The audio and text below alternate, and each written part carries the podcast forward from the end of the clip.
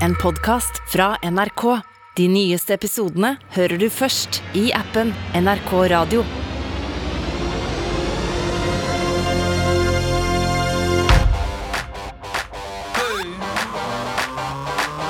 Popkorn og politikk. Med Sean Henrik Matheson og Torkil Risan. Hvor godt forberedt er du hvis Norge kommer i en unntakstilstand sånn, Ja. på grunn av for eksempel Jeg bare hive det ut der. Russisk invasjon. Ja, jeg er, vi er ikke så verst forberedt hjemme hos oss, det kan jeg bare si deg. Tuller du med meg? Nei, jeg tuller ikke. Vi har, jeg har vært veldig Jeg har ledd av preppere i alle, alle år. Skal du si du skal, Jeg har gjort det, men Ja, dette er jo the time of the preppers. The age of the preppers. Og det syns jeg er litt hyggelig for dem. Det må jeg bare innrømme. Jeg syns det er litt koselig for prepperne, som nå for, for, for, ikke er så rare, som har garasjen full av du får si dem. Vi er det nå. Ja, nå er det vi! Jeg er en del du. Da vil prepperne bli fornærma, for så Jeg er ikke på det nivået. Men eh, fader, vi har jobba ganske bra hjemme hos oss. Vi har, eh, vi har vann eh, stående i, i sånne fine kanner. Vi Hvor mye vann snakker vi? Nei, det er, jeg lurer på om det er 40 liter vann. 40 liter? Ja, Ja, ok, ja. men det, da er over på prepper. Ja, det- Sånn fem liter, det, det er Nei, nei. sånn som folk har. Nei, vi har hvert Det er vel to eller tre sånne digre kanner. Kanskje det er, kanskje det er 60 liter? Jeg tror det er, kanskje det er 60 liter. Ja. Eh, vi har masse mel. Eh, ris eh, i poser, i bager. Vi har eh, masse hermetikk. Faen, når jeg sier det høyt nå, så, så hører jeg at det er ganske høyt nivå her. Har du på et eller annet tidspunkt stått med en spade og gravd i noen ting? Spikka noen ting? Eh, nei, det har jeg ikke gjort. Hva skulle det med det vært? Jeg, jeg, jeg aner ikke. Jeg er jo veldig langt unna å være prepper. Altså, jeg bare ser på meg at preppere de, de jobber mye med De bruker mye armer og oh, ja, muskler har- for å liksom grave og liksom bygge ting. Kona mi er jo agronom, så vi har veldig mye på plass, og vi har til og med frø og sånn liggende hjemme. Har du noe sånn Der kom det, ja. Frølageret på Svalbard og får seg en uh, Ja, ja. konkurrent her. Men hva, hva uh, har du av sånn type nødstrøm og sånn? Er er det en fare? Jeg har googla uh, um, aggre aggregator, heter det aggregat nå? Heter det noe? Ag Aggregat? ja. aggregat, takk. Ja. Aggregat har jeg googla. Det koster mye penger, men jeg lurer på om det kanskje er verdt det, altså, for et eh, ordentlig aggregat. Diesel eller bensin. Hvordan føler du deg hvis du, bare, du, du bare ser deg Pip, pip, pip. Så kommer det et sånn nødaggregat og noen Ja, men det er ikke så Hva svært. sier naboen da? Nei, jeg veit ikke, men det er kanskje naboen kommer på besøk har lyst til å henge med oss dersom det smeller. Det kan jo hende. Da tipper jeg naboen blir glad for den der pipelyden og den heisekrana som senker ned et aggregat. Hva gjør det med deg at du har forberedt deg på apokalypsen? Altså, blir du mer, se, Leter du mer etter apokalypsen da, eller føles det bare tryggere? Nei, det føles litt tryggere, det gjør det. Samtidig så, så eh, Men det henger litt Jeg har blitt litt engstelig det siste året. Jeg sier det rett ut, eh, Torkil. Eh, jeg jeg syns at eh, Jeg har jobba med politikk og alt det der som du veit i årevis her i podkast, men etter at eh, og, og, og bare for å si det, klima og sånn er jeg veldig bekymra for, men der tenker jeg at vi mennesker, det skal vi løse. Vi finner ut av det. Vi må ta sammen nå. For det, det går til helvete, men jeg, jeg har en tro på at det skal løse seg. Men dette med krigen i Ukraina og Russland som er helt klin gærne, det syns jeg er litt vanskelig, og jeg har blitt litt engsteligere enn det jeg har vært før. Jeg innrømmer eh, rett ut. Og, og det at vi har ting på plass, det, det gir meg en ørliten ro. Vi har jodtabletter også. Ja. Hva med deg? Åssen Ikke så bra, skjønner jeg. ikke, det ikke så, dere har ikke ordna opp, dere? Altså, Nei, google hva gjør vi nå, Ja. hvis det skjer. Ja, men strømnettet går jo, internettet ryker, du får ikke googla en dritt. Ja, men da ser jeg på hva naboen gjør, og så Ja. Eller, vet du hva? Ja. Nei, da kan det bare være ha det så godt, altså. Åh. Nesten litt der, altså. Hvis det først skjer eh, Jeg vet ikke om jeg gidder, altså. Ja, men du kan få lov til å komme til oss. Ja, jeg hører du unga si det, og kona og sånn. for et liv det skal Ja, være, da, på rømmen og så videre. Ja, ja, det høres helt Jeg grusomt sånn, ut. jeg vet ikke om jeg gidder å leve i det der. Nei, hvem er som vil det? Men uh, jo- Ungene burde jo selvfølgelig få muligheten. Så Ja. jeg, jeg, jeg hører jo hva du sier her. Jeg burde jo jeg burde i hvert fall ha en, en flaske vann stående, for jeg har, jeg ikke det engang. Jeg har ikke jod, jeg har ikke flaske med vann. Jeg har ikke en spa... Du trengte ikke spade, sa du, men Nei, jeg ja, vi har, har- vi har- ingenting. vi Jeg har- absolutt ingenting. Vi har jo spader og spett og alt på plass. Eh, Ja. Vi har jo hage som vi, som vi bruker disse redskapene i, så, så alt, alt det der Vi har jo det. Jeg har joggesko, så jeg kunne ha sprunget til skogs. Ja, hva med unga dine? Kan ikke løpe fra dem heller. Nei.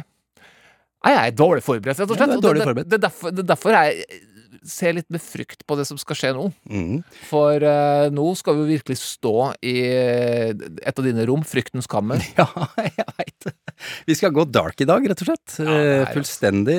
Vi skal gjøre noe mange tror vi da, kanskje tenker litt på, eh, men kanskje få tør snakke om, eller orker, for det virker som om det er du ikke orker å snakke om dette engang. Jo da, altså, jeg gjør det, men jeg, for meg altså, Jeg er positiv inntil det motsatte bevist på, ja. på en måte. Ja. Du kan kalle meg dum og, og i fornektelsens tilstand, men eh, inntil det faktisk er krise, så er ikke jeg som forbereder meg på det. Og det er helt latterlig, selv når dere Hva heter det, Direktoratet for eh, Strålevern. er Ramdal og Kalnes-gjengen. Å ja, den, ja, ja, ja det er strålevern, er det ikke? Strå, eh, Eller hva det heter. Ja, er unnskyld, ja. Sikkerhet og beredskap. Ja, der har vi. DSB. Gamle sykkelen. Eh, de sendte en sånn liste plutselig ut av ingenting, og så bare kasta jo den fort, selvfølgelig. For Mm. Den som lå i postkassa? Gidder ikke tenke på det der.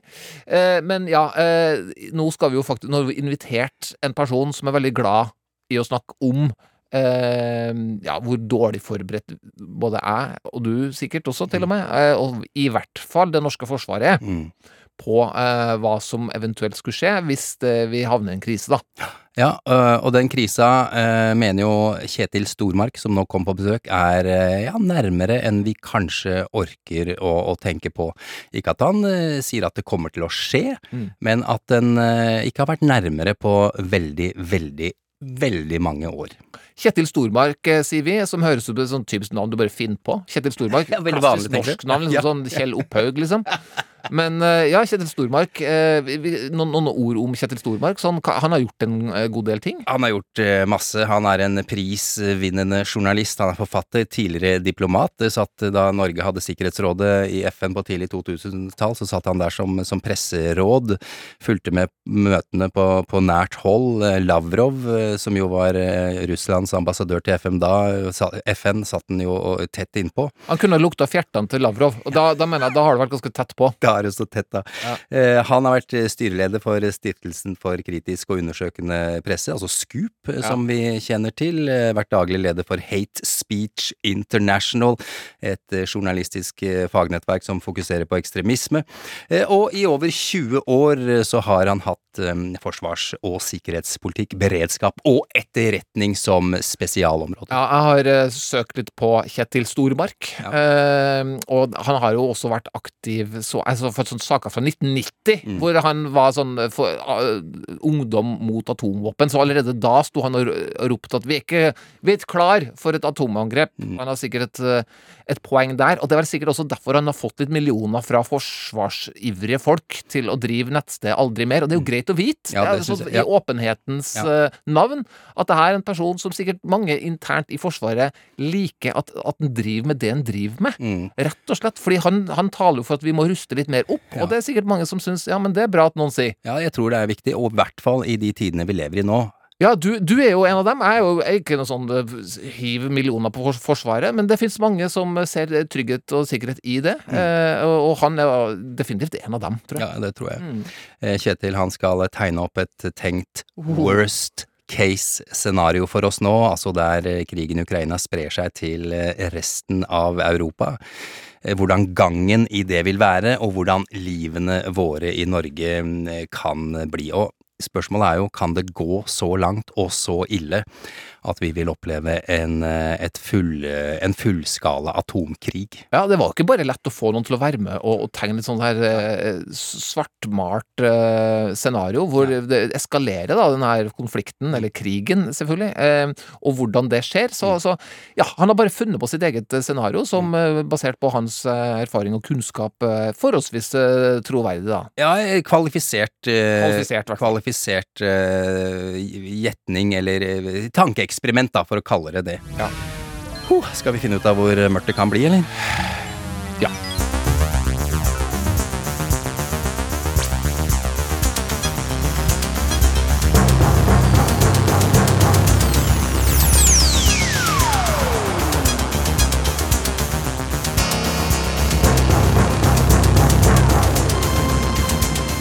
Velkommen, eh, Kjetil Stormark. Takk for det. Jeg står her og skjelver i, i knærne. Du hadde et sambrudd sammenbrudd eh, allerede i Ja, dag, jeg vet. Sean. I dag tidlig da vi gikk gjennom det vi skulle snakke med, med Kjetil om. Vi skal nemlig ta eh, turen ned i det mørkeste mørket. Hvor stor sjanse er det, mener du, at vi kan eh, oppleve en fullskala atomkrig? Altså Hadde jeg vært i stand til å kvalifisert gjette og gi en prosentsjanse, så ville jeg hatt en vesentlig høyere betalt jobb. Sånn at jeg vil jo understreke at det er jo mange forbehold eh, knytta til det scenarioet vi skal gå gjennom. Jeg har prøvd å utvikle noe som jeg opplever som realistisk, men jeg håper jo og tror eh, at eh, at vi ikke kommer dit, men samtidig så er det sånn at eh, med den situasjonen vi er i nå, så må de ansvarlige, altså politikere og de som sitter med makt i Norge og andre land, ta høyde for at vi kan komme dit. Men eh, sånn, bare i ditt hode, et anslag. Prosent. Hvor stor sannsynlighet for en eh, fullskala atomkrig? Jeg får eh, formulere det litt annerledes. Eh, situasjonen er farligere nå enn den noen gang har vært siden annen verdenskrig. Er det 10% eller er det 60 Nei, det, altså, nå, nå er vi allerede Premisset er lagt. Vi, vi spekulerer, og, det, og du at, Call my lawyer. ja. Men, eh, men altså, det er umulig å gi et eh, kategorisk svar på det. Men den er vesentlig større enn det vi i Norge tar høyde for, både, og det gjelder både norske innbyggere Ja. og norske politikere, de som sitter med makt. Høres ut som 12 spør du meg.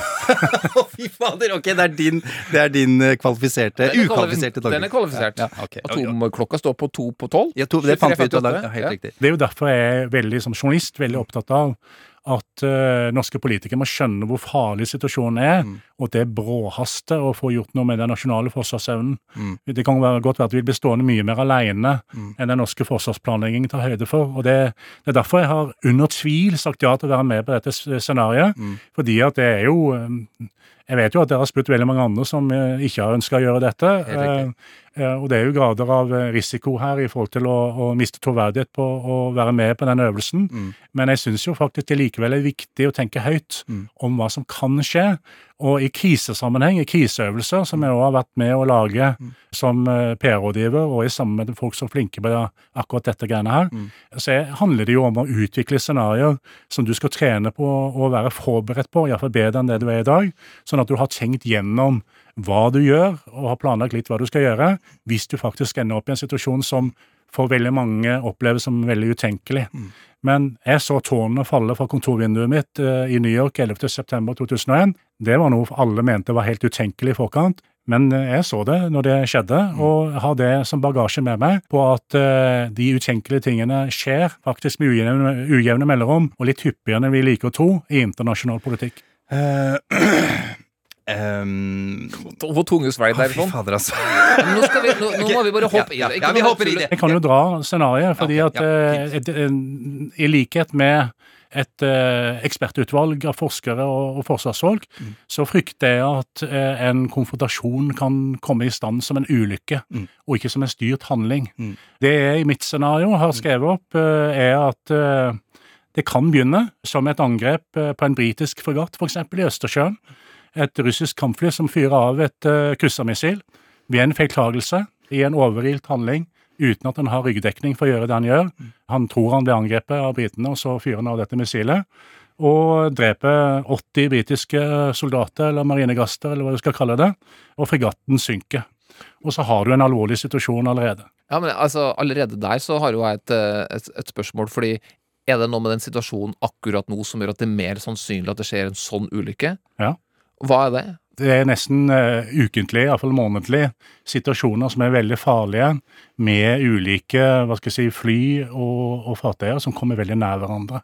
Så uh, sjansen Fordi for det er bare at mer folk, rett og slett mer folksomt? Ja, det er mer sikker, altså Den sikkerhetspolitiske situasjonen er mye mer eh, spissa nå, og satt på spissen nå, enn den noen gang har vært før, siden andre verdenskrig. Og Det fører jo til at de menneskene av kjøtt og blod som sitter i cockpit og, og, og styrer skipene og sitter bak våpnene, eh, de er jo mye mer stressa og nervøse eh, enn det de har vært før, enn det de er i rolige tider. Mm. Men hvis du da får det scenarioet med denne britiske fregatten som synker, så er det ikke utenkelig at Kreml prøver å komme på offensiven, at de da istedenfor å ta selvkritikk, går ut og kritiserer Storbritannia, mener at de er skyld i dette sjøl, ved at de har hatt en provoserende atferd og har vært for nærgående i Østersjøen, og at eh, Storbritannia, USA og andre land i Nato svarer med å gi Ukraina eh, tilgang til langt mer offensive våpen og luftvernsystemer, som fører til igjen betydelig tap på russisk side. Er det altså en sånn kjent strategi for Russland, at de bare double down, som du måtte beskrive at de gjør her? Ja, De eh, mener jo litt sånn flåsete sagt at angrepet er det beste forsvar. Eh, Og det å demonstrere styrke er en ekstremt viktig komponent i russisk politikk. Hvis de gjør en feil, så, så, så deres måte å rette opp feilen på i andres øyne, er jo da bare Nei, men det var med vilje. Ja, de vil jo i utgangspunktet ikke føle at de har noe å tjene på å være ydmyke. Men, men Det er en veldig lite fremtredende komponent i russisk eh, politikk. Ydmykhet eh, har, jeg veldig, har ikke veldig ofte lagt merke til, altså. Ikke det du legger merke til hos russiske, politikere. Men, men det fører ikke til, hvis dette skulle skje, eh, denne fregatten synker, eh, mange dør Storbritannia vil jo ikke svare med atomvåpen, men det som vil skje da, sier du, er at eh, Ukraina får tilgang på flere og større våpen. Ja, og hvis de da får betydelige tap, så er det jo interessant at de har annektert disse områdene utover Krim, som gjør at disse områdene er definert som russisk moderland.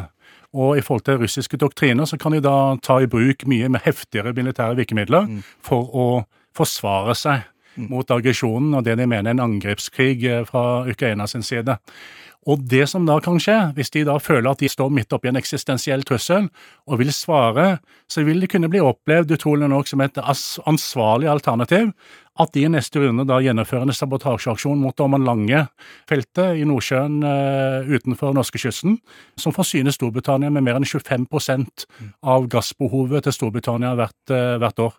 Så, så det kan komme som en konsekvens av noe som skjer et annet sted. Hvis de tar ut ormen på Ormen Lange-feltet, så har de jo da eh, angrepet Nato. Ja, men det er ikke så lett å dokumentere. Det er et undersjøisk anlegg. Ja, riktig. Og, og det som starter da, er jo et eh, forsøk fra Norge og Nato sin side på å prøve å finne ut hvem er det egentlig som står bak dette angrepet. Alle vet jo hvem det er, men det må dokumenteres. Og det tar tid. Og mens det arbeidet pågår, og Russland har jo ønska å skjule at det de, de ønsker jo at, skal, at alle skal vite det, men det skal være mer krevende å dokumentere det. Og i Nato sitter man da samtidig og drøfter hva man skal gjøre. Man drøfter om artikkel 5 skal utløses.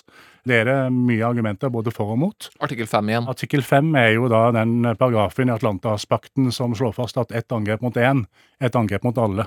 Og Det utløser da en kollektiv respons. Men det er jo bortimot som å si at nå er tredje, tredje verdenskrig eh, i gang. Mm. Det å ta, fatte det vedtaket, så det sitter ganske langt inne. Mye lenger inne enn det folk er klar over. Så mens man sitter og, og drøfter dette, så blir USA utålmodige. De sender da inn eh, hangarskipgrupper både til Nord-Atlanteren og Barentshavet, og inn i Østersjøen. Russerne får panikk når de ser hangarskipgruppene eh, er på vei. De har også spioner i Nato-systemet og fanger opp at det reelt sett er en mulighet for artikkel 5 kan bli utløst. Så de velger da å være føre var, og de da eh, sikrer seg både Gotland og Svalbard. Mm. For å eh, kunne nekte Nato i å operere for nær russisk territorium. Russiske spesialstyrker eh, blir eh, sluppet eh, via luft, altså i fallskjermer, sikre kontroll innledningsvis, etterfulgt av kampfly, amfibiestyrker som går i land, og litt tyngre artilleri og luftvern etter hvert som blir satt opp, som gjør det vanskelig for Nato å nærme seg Nord-Atlanteren eller noe særlig langt inn i Østersjøen, før de kan bli utsatt for ganske kraftig beskytning. Men da har jo da Russland invadert Norge gjennom eh, å ta over Svalbard, og de har tatt Sverige. Mm, Det som er sk- skinkig der, er at eh, den folkerettslige statusen til Svalbard er omstridt. Mm. Og det sies jo i Nato at man ikke kommer til å gå til tredje verdenskrig for å vinne Svalbard tilbake igjen. Ingen vil si det høyt, men, men det er en del av diskusjonen. Mm. Og det vet russerne. De har ganske god oversikt. Mye bedre oversikt enn det folk er klar over. Så da kan vi ikke satse på noe artikkel 5. Jeg tror ikke det alene, nei. Men, det er jo sånn, nå har vi en situasjon hvor eh, Svalbard og Gotland eh, er røket over i russiske hender. Nato sitter og diskuterer om artikkel 5 skal utløses, og russerne er veldig stressa og prøver å være i forkant. Men det er jo sånn at uh, noen blir jo utålmodige på vestlig side og blir irritert over at uh, vestlige Nato-land bruker for lang tid. Eksempel etter 11. september, eh, terrorangrepene den gangen, i 2001, så valgte USA å ikke benytte seg av artikkel 5 som ble utløst, og sa at vi kjører dette som en nasjonal operasjon med, med bistand fra andre nasjoner. Men dette er det vi som leder. Dette er det vi som håndterer. Og det er veldig sannsynlig i en sånn situasjon at eh, USA føler behov for å reagere. At de da gjennomfører motangrep eh, og flyangrep mot russiske styrker på både Svalbard og Gotland, for å markere at de ikke får lov å være i fred. Russland mener dette er da en provokasjon. Plutselig går det av en skitten bombe i Kiev. Det er heller ikke så enkelt å finne ut hvem som står bak. Alle vet hvem det er. Hva mener du med skitten bombe? Skitten bombe er en bombe som eh, har kjernefysisk materiale knytta til seg. Vil fortsatt ikke si ikke, det ikke atom. ikke en taktisk atombombe, nei. I et ordets klassiske betydning. Zelenskyj var jo ute og snakka om akkurat dette med eh, en klassisk bombe eh, og frykten for at Russland kan eh, gjennomføre, gjennomføre den type tiltak mot Ukraina og mot Kiev. Da, da tar det òg tid å dokumentere. Man må undersøke det radioaktive materialet og prøve å finne ut eh, hvordan disse, denne analysen viser hvor dette eh, materialet stammer fra, hvor, hvilken reaktor det er utvikla i. Er russerne veldig avanserte, så har de sørga for å stjele dette eller kjøpe det fra andre kilder enn russiske. Da blir det enda mer krevende å dokumentere, eh, og du får en litt sånn stalemate-situasjon hvor, hvor man eh, vet at dette er noe som russerne står bak. Det høres ut som en litt sånn klassisk sånn politisak, det der. Altså at vi vet jo hvem som har gjort det, men at du må bevise det i retten. Altså at hevet over enhver tvil. og Det er bare sånn klassiske Ja, er rettsprinsipper, selv om når det gjelder atomopprustning her. Ja, krig. men det er jo sånn her court of public opinion mer. Ja. Det er jo ikke en rettssak som sådan, dette her. Men, men det er jo sånn at, og russerne har jo litt spillerom på den måten at USA har jo tidligere eh, fremlagt bevis, tidligere såkalt bevis, i Sikkerhetsrådet i FN for at Irak hadde masseødeleggelsesvåpen. Vi vet jo alle hvordan det gikk. Sånn at russerne har jo òg et manøvreringsrom her. Mm I forhold til veldig mange land og deler av opinionen, mm. til å på en måte utnytte den usikkerheten og den manglende tilliten, da, for å bruke det uttrykket, i forhold til USA spesielt. Mm. Men Storbritannia var jo også med på dette, sånn at viktige land eh, spilte med på lag med USA den gangen. Eh, og det vises jo ikke å holde mål i etterkant. Men du tror da altså da at eh, Nato eller USA vil vente på før de har bevis for at den skitne bomba kom fra Russland, før de gjør noe mer, eller? Nei, eh, jeg tror igjen at det vil kunne være noen som blir utålmodige, og som tar initiativ i egne hender. Jeg noterer at utålmodighet er et veldig viktig Veldig viktig når det føres krig. Feil Ja, men- men og dette, utålmodighet. dette er faktisk et scenario nok, som, hvor jeg har lagt til grunn en ganske stor grad av ansvarlighet på begge sider. Eh, hvor Ja. man ikke går på et ekstreme alternativer med en gang. Mm. For eksempel hvis man bruker atomvåpen eller skitten bombe og sånn, så er det jo helt utenkelig faktisk at Nato går til atom... Altså et motangrep ved hjelp av atomvåpen, eh, enten taktiske eller andre. Det vil utelukkende komme et konvensjonelt svar, og det vet russerne. Det kan de ende opp med å spekulere i. Jeg har diskutert dette med noen eh, forsvarskilder, og en av de eh, pekte på et ganske sannsynlig eh, scenario eh, og et alternativ. At i denne situasjonen her, så vil det kunne eh, skje at eh, vestlige land, eller iallfall USA, sammen med Storbritannia, eh, gitt at de var sentrale i det som skjedde tidligere, velger å utslette hele Svartehavsflåten som russerne har. At de fjerner hele marinekapasiteten i Svartehavet. Har du diskutert hele det scenarioet fram Nei, til ikke nå? med- hele med scenarioet, men eh, komponenter. Okay. Det er jo grenser for hvor mye man skal skremme folk. Ja, nei, altså, Det virker ikke som du har så mange grenser når du kommer til akkurat det. Men, okay, men er vi der at eh, Svartehavsflåten til Russland er utslått nå? Ja, Ja, hva nå har vi kommet dit. Ja, hva skjer da? Ja, det, det vil jo være en rød klut for russerne. Det er en helt avgjørende og viktig kapasitet. Da blir de utålmodige, tror jeg. Ja. For, eh, for, for russerne, og når de mister den, så må de jo i utgangspunktet svare i egne øyne. Det er helt utenkelig å ikke gi et svar. Så det de gjør da, er at de eh, velger det de mener er et ansvarlig eh, og proporsjonelt eh, svar, og at de bomber enkelte militæravdelinger fra Nato som oppholder seg i Baltikum. Der har òg Norge tilstedeværelse. Og der kan det i første omgang eh, nå i scenarioet gå med norsk liv. At det, det smeller i Baltikum. Mm. Atom. Nei, Nei. konvensjonelt. Fortsatt konvensjonelt. Ja, vi er ikke helt i mål ennå. Utålmodighet gjelder flere enn er vi, bare beslutningsaktørene, skjønner Det Ja. er en effekt som forplanta seg litt inn i studio. Men da, men, men, men Kjetil, da har de jo angrepet Nato. De vil nok kanskje velge å gjøre det på en sånn måte at de iscenesetter Mm. angrep eh, og påstår at disse russiske minoriteten i Baltikum er blitt utsatt for provokasjoner og vold Mm. av disse Nato-soldatene. Mm. Og eh, gjør det på en sånn måte at det ikke nødvendigvis gitt at det er så enkelt å dokumentere at den russiske stat som står bak, Mm. men at det er russiske motstandsgrupper som er bevæpna til tennene, og som på en måte er litt sånn etter eh, modell fra Øst-Ukraina. Det er nok eh, en mer fristende alternativ eh, sett med russiske øyne. Men eh, hvis de dreper mange nok, så er jo det det man kaller en snubletråd i Nato-sammenheng. Og hvis det går med en Nato-soldaters liv, så må jo òg Nato svare på det. Hva gjør de da? Ja, Det som vil kunne skje, er jo at uh, ulike Nato-land reagerer litt ulikt. Eh, Polen vil kunne reagere vesentlig mer aggressivt, for de føler seg mer trua av dette, for de ligger mye nærmere. Og eh, de vil kunne gå i front, og jeg tror at vi i den situasjonen der vil kunne få, spesielt hvis man kan dokumentere en kobling til Kaliningrad, en motreaksjon fra, fra vestlige land eh, i forhold til Kaliningrad. Og det ligger jo i en sånn liten sånn en liten enklave. enklave ja. Mm. Militær enklave, vil jeg nesten kalle det, men det er jo en del sivile som bor eh, der òg. Men det er veldig militarisert eh, eh, enklave som ligger liksom innelukka.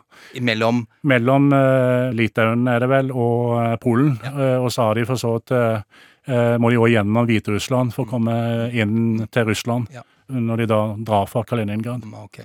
Ok, så da eh, har eh, Kaliningrad eh, fått eh, kjenne Natos vrede.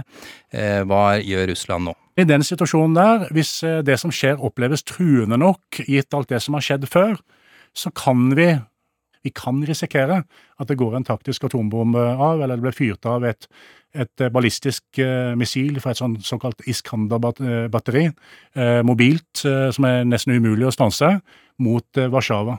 Så fyrt Eh, og at russerne fra tar ut Warszawa som, som en styrkemarkering. hvor, hvor er den missilet fyrt av fra? Hvor, har det, hvor står det? Det, det står slike batterier i Kaliningrad. Ja, det gjør det. Ja. Mm.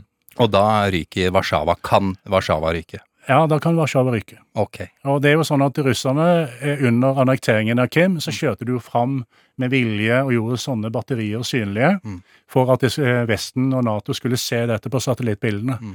Så dette er en del av uh, måten å kommunisere på. Mm. Det kan godt være at man kjører fram disse batteriene først for å prøve å avskrekke Mm. eh, Nato eh, fra å gjøre noe i forhold til Kaliningrad. Mm. Men eh, hvis ikke det lykkes, så eh, vil jeg heller bruke de enn å måtte miste de. Ok, ok. Warszawa har falt. Eh, Hvor går vi, Kjetil? Ja, altså det er jo, og- med Som et sidespor da, så kan jeg jo nevne at det er jo et, et element, en sånn der eh, eh, jokerkort her, i forhold til at Iran har blitt så aktive med å forsyne eh, eh, Russland med ulike droner. Ja. Og når situasjonen kommer hit, og hvor man bruker hvor liksom konfrontasjonene er blitt såpass hyppige og mange, så vil man kanskje også føle at det er et handlingsrom for å da ta ut og bombe f.eks. donefabrikken i Teheran eller et annet sted i Iran. Ja. Iran vil kunne bli provosert av det, og velge da å begynne å forsyne ulike terrorgrupper med denne type bombedroner. Ja. De angriper da i første omgang eh, en lang rekke mål og dreper masse israelere i Israel. Mm. Men eh, kanskje en terrorgruppe to lykkes med å få smugla disse donene til Europa. Mm. Så får vi svermer av droner som angriper europeiske hovedsteder Mm. og dreper ganske mange mennesker. Okay, Bare, eh, hvis, hvis du skrudde på akkurat nå, eh, så, så vi, vi, vi driver ikke og leser opp eh, plottet til en eh, TV-serie som kommer. Her er altså da Kjetil Storeberg som har ja, eh, danset oss gjennom et scenario hvor da også da Iran tydeligvis har hekta seg på. Men kan jeg bare spørre, i, i den situasjonen der vi er akkurat nå, da, hvor eh, atomvåpen har blitt tatt i bruk, er det fortsatt Nei, vi skal bare få det vi egentlig har rett på i Ukraina, som er som er budskapet, eller som er, som er eh, eller, eller har bare pipa fått en annen lyd? Nei, glem det, nå vil vi ha krig.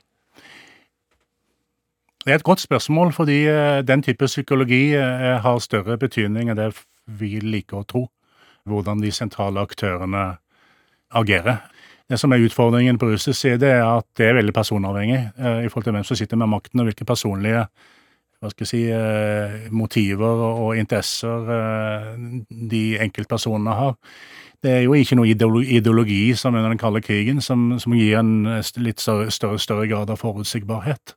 Det var jo, altså Sovjetunionen da, under den kalde krigen var jo en mer forutsigbar aktør enn Russland er i dag. og Det er jo det som gjør situasjonen farligere. Men når vi er kommet hit, så kan det jo være at eh, denne skitne bomben i Kiev gjør at eh, Putin mener at det er grunnlag for å erklære at krigen i Ukraina er vunnet. Hvis han da greier å ta ut beslutningsapparatet, og Zelenskyj er død, og, og det er litt mer kaos og ikke så mye sentralstyring i Ukraina lenger, så har han plutselig den seieren han ønska seg. Og det kan gi grunnlaget for diplomatiske forhandlinger. Absurd nok. Ja, så vil vi kunne, I den situasjonen vi er kommet til nå i scenarioet, Mm. så tror jeg at uh, til slutt så vil the cooler heads prevail. Jeg tror ikke noe på fullskala uh, atomkrig. Det er for utenkelig for egentlig alle involverte. Ah, ok. Men Bare, jeg, så, så, bare ta et øyeblikk og se på Sean akkurat da du sa det. Fy fader, jeg var Det kom eh, Jeg trodde ikke du skulle si det, Kjetil, så jeg ble veldig, veldig glad nå. Men nå må du skremme den igjen. Ja, for nå skal vi gå ja, videre. det kom en liten cliffhanger til slutt. Ja, ja. Man inngår da en skjør våpenhvileavtale.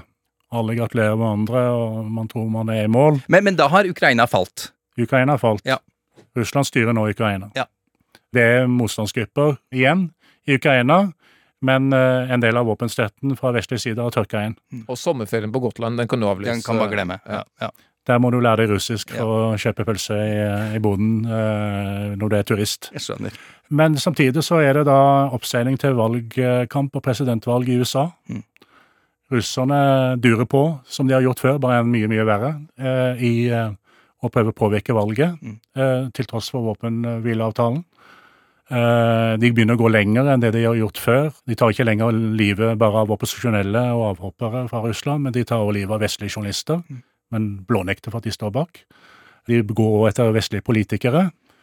Og til slutt så vinner da Donald Trump valget i USA. Det er ikke kan du gode nyheter.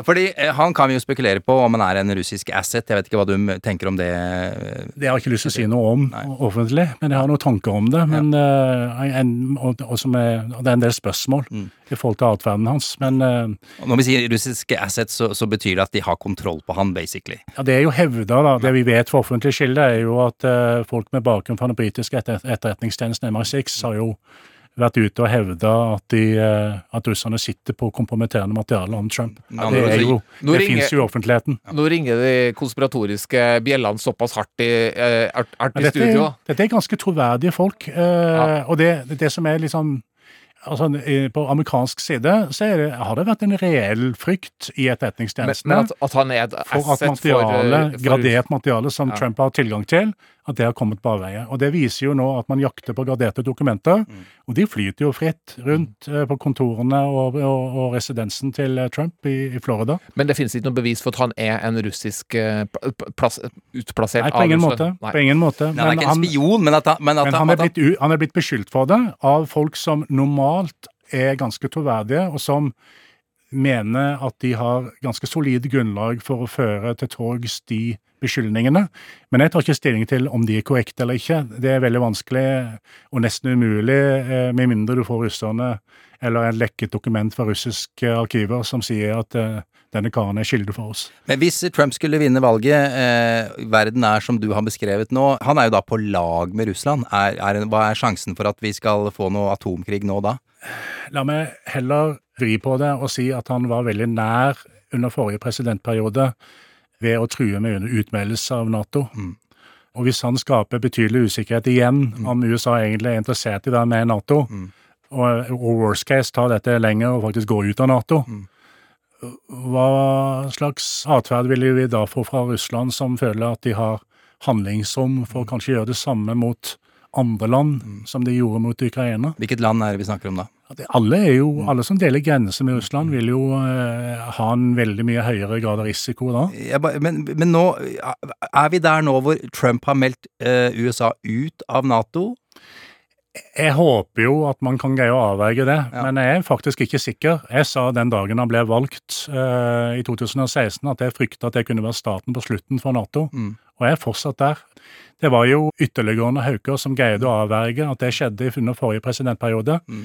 Men en del av de ansvarlige menneskene de er borte vekk nå. Altså de som nå, Hvis han vinner valget, så vil det være haukene, altså de virkelig ekstreme, som kommer inn. Og jeg er på ingen måte sikker på at det amerikanske demokratiet vil overleve. Eh, og hvis det amerikanske demokratiet blir borte, så, så er jo det meste i spill. fordi for den europeiske sikkerheten så er egentlig den ikke så mye verd uten USA i dag. Så vi kommer ikke til å se ballistiske eh, raketter fly over Atlanterhavet i hver sin eh, retning. Du kan ikke utelukke det. Nei. Eh, Men hva skal til for at det skjer, da? Nei, altså Det er jo enkelte som tar til orde for Jeg er ikke blant de, men det er jo enkelte som tar til orde for at nå må Nato og de vestlige land iscenesette et attentat på Vladimir Putin. Mm. La oss si de gjør det, da, og det mislykkes. Mm. Nå er vi veldig mye nærmere en eh, fullskala atomkrig. Mm. Fordi at det er nesten mer provoserende enn enn et, eh, et, altså et fullskala militært angrep. Som det oppleves som mye mer truende. Altså, eh, Saddam Hussein forsøkte å ta livet av George Bush sin senior, og det førte til Irak-krigen eh, ganske mange år senere, eh, på feil på en måte, påskudd. Et, et, et øyeblikk. Prøvd, psykologi er ganske viktig i forhold til beslutningstager, altså. prøvd Saddam Hussein å ta livet av George Bush senior? Ja, det ble iallfall hevda fra amerikanske myndigheter sin side som begrunnelse for i de interne diskusjonene når etter 11. september, så, så var Irak veldig tidlig oppe som, eh, Det har som et alternativ. Jo, det, er, det, det er blitt sagt uh, fra Vet vi det her, eller? republikanske Ja, ja. det- Dette er fast fisk. Jeg satt jo i New York eh, på det tidspunktet. Ble jo tidvis Nei, faktisk ikke. Fikk jo tidvis etterretningsbrifinger av amerikanerne på den tida. Sånn, eh, så i den jobben jeg hadde, så uten at jeg kan gå inn på hva som ble sagt. Men hvordan ser verden ut generelt, da? Altså, Hvordan er det i Polen, som, der Warszawa har falt? Hvordan er det i Baltikum? Hvordan, hvordan vil vi forholde oss til dette her over, eh, over, over litt tid, da? Hvis sentralmaktene går i oppløsning, så vil jo fort kunne bli anarki. Altså, eh, og hvor eh, det er jungelens lov som gjelder, ikke sant? Og plyndring, og, og man både får militiagrupper. Og, altså, det vil kunne få et Europa som ikke, som ikke ligner Som ikke er nærheten av det vi, vi opplever som det siviliserte Europa vi har i dag. Og, og det er et ganske skremmende scenario hvis, eh, hvis dette utarter. Og det vil jo Altså, man ser jo at det er noen som går igjen i, i Russlands måte å opptre på eh, i um, hybride sammenhenger, som man kaller det, hvor de bruker eh, de støtter f.eks. høyreekstreme grupperinger, samtidig som de sørger for å tilrettelegge for menneskesmugling fra Midtøsten inn til Europa. Begge deler har som formål å, å skape mest mulig uro og, og, og svekke de europeiske vestlige demokratiene, slik at eh, vi har mindre styrke til å stå imot det Russland ønsker. Altså Det vi har gjort, holdt jeg på å si, Vesten, Nato, kall det hva du vil, har, har, gjort, eh, har tatt igjen på nå, det er Svartehavsflåten, og så har de tatt Kaliningrad, kanskje. Er det snakk om å vil, vil, vi, vil vi bombe andre mål i Russland på et eller annet tidspunkt? Når er det liksom går den veien, at vi bomber Russland, da? Altså hvis, du, hvis du får den situasjonen som jeg beskrev tidligere, så tror jeg ukrainerne kanskje kan finne på å begynne å bombe ting på den russiske sida av grensen, Ja. for å prøve å begrense evnen til å, til å plage Ukraina for lenge. Så det jeg tror jeg er det første som skjer på russisk territorium. Men eh, jeg tror man i betydelig grad kommer til å være tilbakeholdne fra Nato i forhold til å føre angrepskrig på russisk territorium, fordi det, vil, det vet man vil eskalere situasjonen veldig. Men de strategiske kapasitetene, hvis man føler at, eh, at russerne er i ferd med å begå de utenkelige tingene i forhold til atom, bruk av atomvåpen og sånne ting, hvis man ser at missilrampene blir løfta opp og er klar til utskyting, så kan det godt være at man har noen målrettede angrep eh, mot kapasiteter i Russland Mm. eh, for å prøve å, å stanse et angrep eh, som man da vet med sikkerhet er under oppseiling. Men jeg tror man kommer til å holde igjen, altså, så lenge man kan. altså. Hvis vi mm, går litt inn i det landet som da deler eh, grense med Russland, som heter Norge, som vi bor i, og det scenarioet som du har dratt oss gjennom nå utspiller seg, eh, kan du prøve også å dikte litt, eller tenke litt, eller å, å, å kvalifisert eh, gjette litt hvordan hverdagen kanskje endrer seg blant oss normale nordmenn og kvinner? Når det her foregår. For eksempel Russland eh, slipper soldater, spesialsoldater for å sikre Svalbard. Det, det er en ting som jeg sjøl merker. Hvis at det hadde skjedd, så ok, nå er vi i denne TV-serien okkupert og enda litt verre, nesten. Eh, så så da, tenk, da tenker jeg at veldig mange ville ha sett på det som en sånn Oi, nå er vi faktisk nesten under angrep her. Eh, fordi det er ikke alle som har den der jussen rundt hva som er hvordan Svalbard blir sett på av Nato, sånn i, i hodet, da. Så hvis at det hadde skjedd, jeg, gjetter, veldig mange nordmenn ville ha følt seg trua. Hvordan ville det ha påvirka hverdagen vår, tror du, Kjetil Stormark? Det er ikke veldig usannsynlig at hvis eh, man velger å gå til en eller annen slags militæraksjon i nord, f.eks. mot Svalbard, så vil man ønske å spre eh, kaos og forvirring og i Norge, på fastlandet. Du vil kunne oppleve at eh, strømforsyningen eh, blir sabotert og blir borte i mange dager. Eh, mobilnettet blir borte. At myndighetsapparatet får utfordringer med å kommunisere og, og samhandle og fungere. Energiprisene går i været. ytterligere. Det blir energikrise over hele Europa som er følge av Omelange-sabotasjen og andre ting russerne gjør. Folk sulter i hjel, folk eh, fryser i hjel gjennom vinteren, ja. Altså, Norge er et kaldt land uten strøm. Det er ikke alle som har muligheten til å fyre med ved, og kanskje går de tomme for ved. Altså, det vil nok eh, bli en, en Altså, det tar ikke lang tid etter, med, med manglende strøm i, i, i det norske folk før eh, det blir eh, krevende. Å håndtere. blir, blir det kaos? Er det sånn at vi ikke går på jobb, for vi må være hjemme og passe på unge, vi må sørge for at de er varme? Er det, er det, er det sånne ting kan få innslag av det, ja. Det kommer, altså, det spørsmål, alt er jo avhengig av hvor langt russerne går, ikke sant, og, og hvor Men hvis går, flinke akkurat eller lite flinke man på norsk side er til å håndtere dette, og hvor eh, stor grad av Altså, jeg tror jo at at eh, nordmenn vil eh, få en veldig bratt læringskurve, og mange vil bli ekstremt overrumpla og få problemer fordi de har ikke noe særlig med beredskapslagre av eh, mat og vann og sånn hjemme. Og vi mangler også viktige medisiner, og vi har ikke noe særlig med medisinlager og sånne ting. Så det er folk som kan dø pga. manglende tilgang til medisiner og det aller nødvendigste. Men jeg tror også samtidig at nordmenn vil kunne være solidariske og hjelpe naboer, og at du vil se stor grad av improvisasjon og evne til å Altså, Man har fått en krise innover seg, og vil kunne få en del atferd som vi vil være ganske stolte av, men òg en del atferd som vi vil skjemmes over.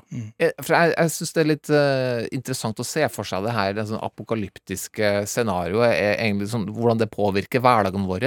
Blir det liksom lottotrekning og trav, uh, travløp og bursdag og dugnader? Vil det være et sånt liv som vi kjenner igjen i dag uh, med en sånn situasjon, tror du? Igjen, det er veldig avhengig av hva som skjer. Eh, Men altså, hvis, at, hvis, hvis de er på Svalbard, da, russerne er på Svalbard, og det er noen av dere litt sånn Jo, hvis- tar, tar ut energi eh, og strømnett og, og mobilnett, og som du sier, det er litt sånn terror som foregår. Det er rett og slett Det er mørkt, da. Mm. Eh, driftes, driftes Norge sånn som den pleier, eller er vi i unntakstilstand helt sånn det vil nok være elementer av unntakstilstand, ja. Eh, men igjen, det er jo avhengig av hvor omfattende dette blir. Eh, hvor eh, effektive russerne er. Men det er jo det som er bekymringsfullt med det som foregår nå, er jo at eh, dette er jo kartlegging og, og en del testruns, for å si det på nynorsk. Det at man eh, f.eks. saboterer togsystemet i, i Tyskland, har jo elementer av å skape kaos. At de tester liksom både hvor enkelt er det, og hvor lang tid tar det før de får det opp og stå igjen. ikke sant? Mm. Det har vært eh, kabelbrudd en lang rekke steder. Det er nærgående droner på norske olje- og gassinstallasjoner og på landanlegg og andre steder. Det er eh, innbrudd i vannforsyningen i, i Målselv, eh, tett på norske militæravdelinger. Mm. Hvor man har liksom målt eh, endringer i vannkvaliteten etter at det har vært eh, noen inne der på nattestid. Kommunen mener at det er guttesteker. Det er ikke jeg fullt så overbevist om, men jeg håper det er akkurat det, og ikke noe mer alvorlig. Men vi er nødt til å ta høyde for at det er noe mer alvorlig. og det, Sånn kan jeg fortsette å ramse opp. Det er så mange alarmlamper som står og blinker akkurat nå, at uh, vi kan ikke utelukke at russerne har i hvert fall vurdert å gå vesentlig lenger enn det de har gjort foreløpig. Og det er jo derfor jeg er med på dette scenarioet, fordi at jeg, jeg tror det er viktig for eh, både nordmenn og norske politikere og beslutningstagere å mentalt forberede oss på hva som kan skje, eh, slik at eh, vi greier å håndtere dette på en bedre måte Mm. hvis det faktisk smeller rundt ørene på oss. Hvordan vil du karakterisere beredskapstilstanden i Norge Ekstremt dårlig. Både sivilt og militært.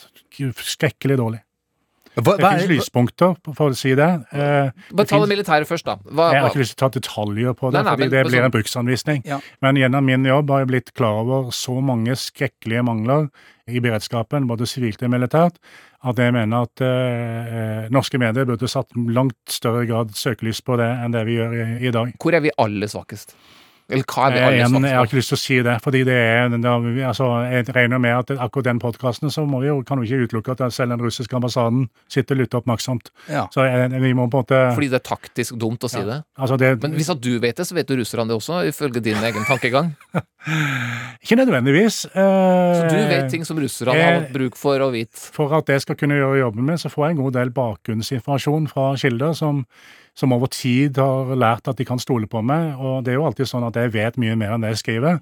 Men for at du skal kunne treffe på skriverier, spesielt om det spesialiserte området her, så må du ganske mye kontekstuell kunnskap og informasjon for å kunne analysere ting på en riktig måte. og der, Derfor får jeg en god del informasjon som, eh, som kan være sensitiv. Men det sivile, da? Altså, vi eh, Se nå, er, vi har litt forskjellig hvordan vi ligger an sånn beredskapsmessig på hjemmebane.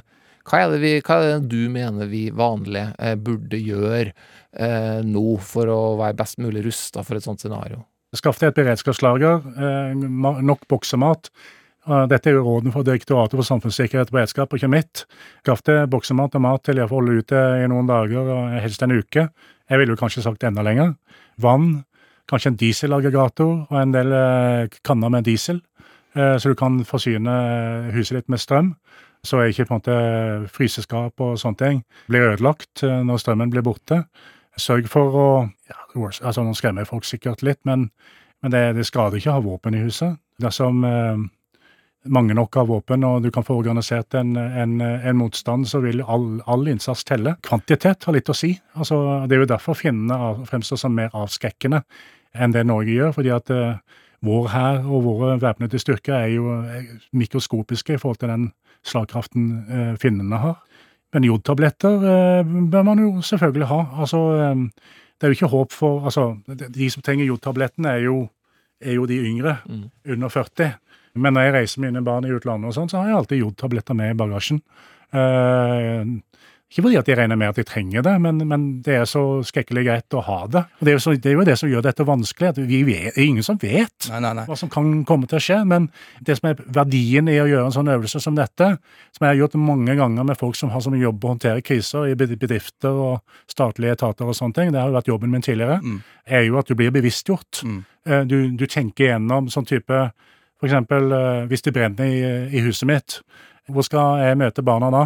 Det å liksom informere barna hvor skal du stå hvis du kommer ut av huset på egen hånd, så du ikke får den situasjonen at de voksne løper inn igjen i brennende huset og omkommer, mens barna egentlig er ute og er i trygghet. ikke sant? Men det, det, det er jo historier fra virkeligheten, dessverre. Mm. Men har du avtalt hvor du står, eh, og har en plan for håndteringen av det, så, så er det jo større sjanse for at, at flere redder livet. Men er det sånn at Gardermoen er et mål for russerne?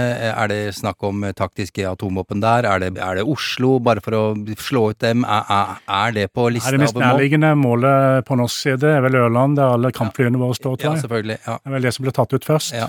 Evenes, der står det to på Nato-beredskap, men det tror jeg ikke de gidder bry seg med. Men det kan være at de sier mange missiler, så kan de sende ett eller to dit eh, i tillegg.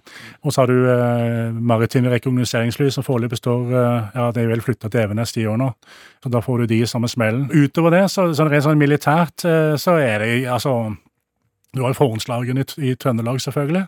Eh, at du slår ut den infrastrukturen og sørger for å gjøre det vanskeligere for allierte å komme til Norge. Mm. Og sørger for å true den norske kysten så mye at det ikke er trygt for allierte styrker å komme til Norge. Mm. Og da kommer de ikke, hvis de ikke føler at de har eh, eh, noenlunde sikkerhet Mm. eh, under transportetappen til Norge.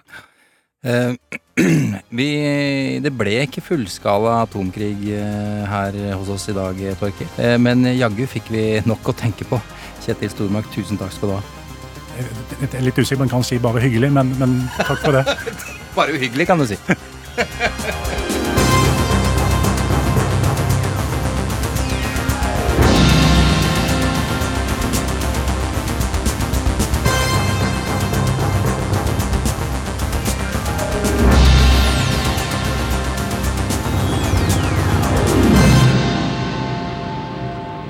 Hva syns du om Vangelis, forresten? Eh, jeg likte den, jeg. Det er lenge siden jeg har hørt den. Men jeg har hørt den mange ganger uten å vite at det, er, eh, at det kommer fra Blade Runner 1982. Ja, det her er fantastisk eh, dystopisk eh, musikk. Passer godt til eh, tematikken. Men du, sterke inntrykk Ja, fy faen. fader, prat med Stormark. Vi må nesten debrife litt, må vi ikke det? Det var, eh, det var heftige, heftige, heftige greier. Hva gjorde mest inntrykk på deg?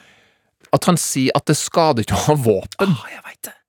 Hæ? Det var ganske vilt, ass. Bare sånn Ja. Oh.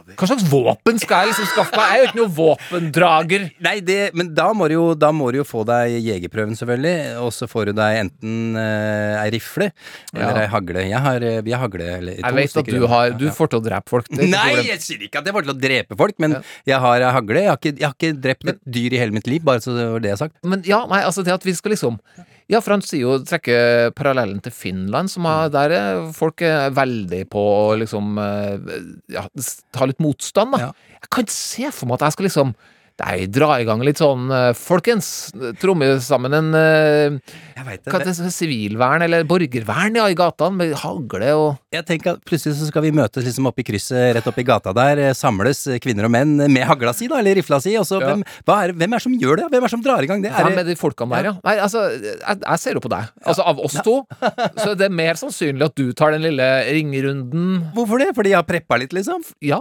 selvfølgelig. ja, det er bare derfor. Ja, det er bare derfor. Hvis russerne hadde kommet som eh, lerduer, eh, så hadde jeg vært eh, veldig god. For det er du god på. Det jeg var, god på den gang. Da, jeg tok, jeg tok, jaggu, jeg tok 25 av 25 en gang. Så det, men det er lenge siden. Men det er klart, da hadde det, det vært, hvis det var lerduer som kom, så hadde jeg vært god. Vi vet jo at russerne hører på det her. Det har jo Kjetil Storberg sagt. det sa han også! Spasiba! -hmm. uh, Har du mer? Uh, Njet! Vodka! Nestrovi! Ikke gå på da. Det, Ja, men nå ler de da Det- ute på det ambassaden. Ja. Eller så rister dem oppgitt på huet. ja, det fins ikke mer lavthengende frukt enn å gå til vodka. Ja, men det er det eneste jeg har. Perestrojka, glasnost, da. Glasnost, ja. Eh, Pravda. Ja, Ja. Det er også noe nyhetsbyrå. Ja, ja, det er. Eller ja, sannhet og sånn. Det er Ja, ikke det det betyr. eh, der har vi det. Eh, jo, men andre ting som, eh, som jeg føler liksom at det Fordi Kjetil Stormark, vi har jo, vi har jo ramsa opp hvor kvalifisert han er. Mm. Og han, han refererer jo helt til det kildene sine, ikke sant? Ja, han gjør det. Praten sin. Ja. Hvem er det kildene, tenker jeg på? Ja. Nei, han var ganske tydelig på det. Han har jobba ryddig og ordentlig i mange, mange år. Militærfolka stoler på han. Og så, som sagt også, altså at eh, folk i Forsvaret som gjerne skulle hatt mer penger, Ja. liker jo at det sitter folk og skriver. Forsvaret er for dårlig. Det er jo en klassisk lekking av ting. Eh, det her er jo lekking ABC. Jeg kom på en ting, Torkil, som, som også gjorde litt inntrykk. Eh, det var da vi snakka om Warszawa. Ja, ikke sant? Ja. ja. Fordi jeg, jeg tenkte Altså, hvis russerne utsletter Warszawa, eh, så syns jeg Så ble jeg litt glad at, eh, at Kjetil Stormark sa at eh, det er ikke nødvendigvis sånn at de, Nato og Vesten klinker til med masse atombomber med en gang. Ja, men han, han eh, var nesten litt sånn at han modifiserte seg litt på veien ut av, eh, av praten også. Ja, Han bare sa veldig tydelig at dette er mitt scenario, jeg skjønner Ja. at dere tenker på det, liksom. Eh, Og at det kanskje er litt uventa at ikke det kommer et større, en større reaksjon, men Mm. eh, og, og ikke overdrive slik at ja, det går rett til helvete, da, med tredje verdenskrig. Ja, det, jeg så at du ble litt uh, letta, rett og slett, Ja, kjempeletta. han eh, sier at uh, det er en liten sjanse. Men vi kan ikke annet enn å ta stilling til et scenario som er dikta opp, som er nesten bestilt av oss. Ja. Eh, nei, og så er jo det der med Burde en preppa litt, liksom? Ja, du må preppe, altså. Du må ta deg sammen litt. Du kan ikke bare tenke på deg sjæl, sitte i sofaen i bokseren og Bokseren? Ja, eller i underbuksa. Har du? Ja, bokser. Jeg Men jeg sitter ikke i sofaen i underbuksa. Gjør ikke det? Du går jo sivilisert eh, hjem også. Gjør, gjør ikke du det? Aldri. Du går i bokseren hjem. Jeg går ofte i bokseren hjemme. Ja. Nå, har, nå, har vi, nå har vi roa ned litt på, på strømutgiftene, riktignok, så nå er det litt kaldere, så jeg har på meg pysjen i tillegg, og tøfler. Hvor tidlig går pysjen på? Eh, hvis jeg er hjemme Si jeg er hjemme halv fem, da. Ja. Da er pysjen på fem over halv fem. Er det mulig? Ja, selvfølgelig! Jeg ville ha det comfy. Går for komfort hele tida. Altså, du har sjokkert meg så mange ganger at du har på deg pysjen 1635. Ja. Fy søren, det var tidlig. Eller eventuelt det er joggebukse, men det, Ja, ja. jeg skifter. Jeg orker ikke jeans og skjorte når jeg, når jeg kommer hjem. Poenget mitt er at du må ta deg sammen. Ja, det har du rett Ja, for du kan ikke drive med Du må tenke litt på Jeg mener det helt alvorlig her, faktisk. Eh, jeg, vi hjemme hos oss har nok dratt på litt mer enn det vanlige, vil jeg tro. Eh, men allikevel. Eh, jeg syns jo at folk, eh, du Torkil, Mm. og, og kanskje noen som hører på nå, som ikke bryr seg katta om det, burde kanskje ha på litt på plass, da. Om ikke annet. Ikke fordi jeg tror russerne kommer, men fordi det kan bli strømbrudd Mm. og, og slike ting. Så bare ha litt på plass, liksom, så det ikke blir helt krise. Du har helt rett, faktisk. Det funker jo egentlig ikke. Det er uansvarlig, for det har unger eh, som jeg har ansvar for. Så ja, du har helt rett. Mm. Um, rakk så vidt å google kjapt. Mm. Uh, dieselaggregat. Hol- Jeg fikk lyst på en Honda E EU 22i. Oh, ja, men du, Er det tilfeldig at du nevner Honda? For jeg snakka med en fyr som hadde greie på, eller greie på sånne maskiner og sånn. Han sa, For jeg fant et litt billigere aggregat, jeg tenkte er dette noe å kjøpe? Ja, jeg veit ikke, men hvis du er sikker på at det ikke skal gå i stykker, så må du kjøpe Honda, sånn! Honda er det som alltid funker, vet du. Så jeg, må, jeg må steppe opp Uh, Du må steppe opp! Steppe opp preppinga. Det er det, det er dere. Altså, jeg, jeg er feig, men det har også med det der at med en gang jeg begynner å preppe, Ja. så blir det mer virkelig for meg. Ja, ja. Så det er en sånn slags jeg lever i en slags med vilje tåkete til, eh, tilværelse, Mm. hvor jeg ikke klarer å ta inn over meg realiteten. Ja. Og ikke, ikke, ikke tøff nok til å faktisk se det. At her, eh, her kommer både jeg og mine etterkommere bedre ut av det, Mm. hvis jeg faktisk tar litt grep. Litt, liksom. Noen eh, ekstra poser med havregryn, noen nøtter, noe Sjokolade. sjokolade. Sjokolade! Ja. Sulle meg cola. Det er litt interessant, for det hadde vi, det hadde vi faktisk Vi hadde et, også et preppelager med sjokolade. Du hadde Ja, Jeg hadde. ja?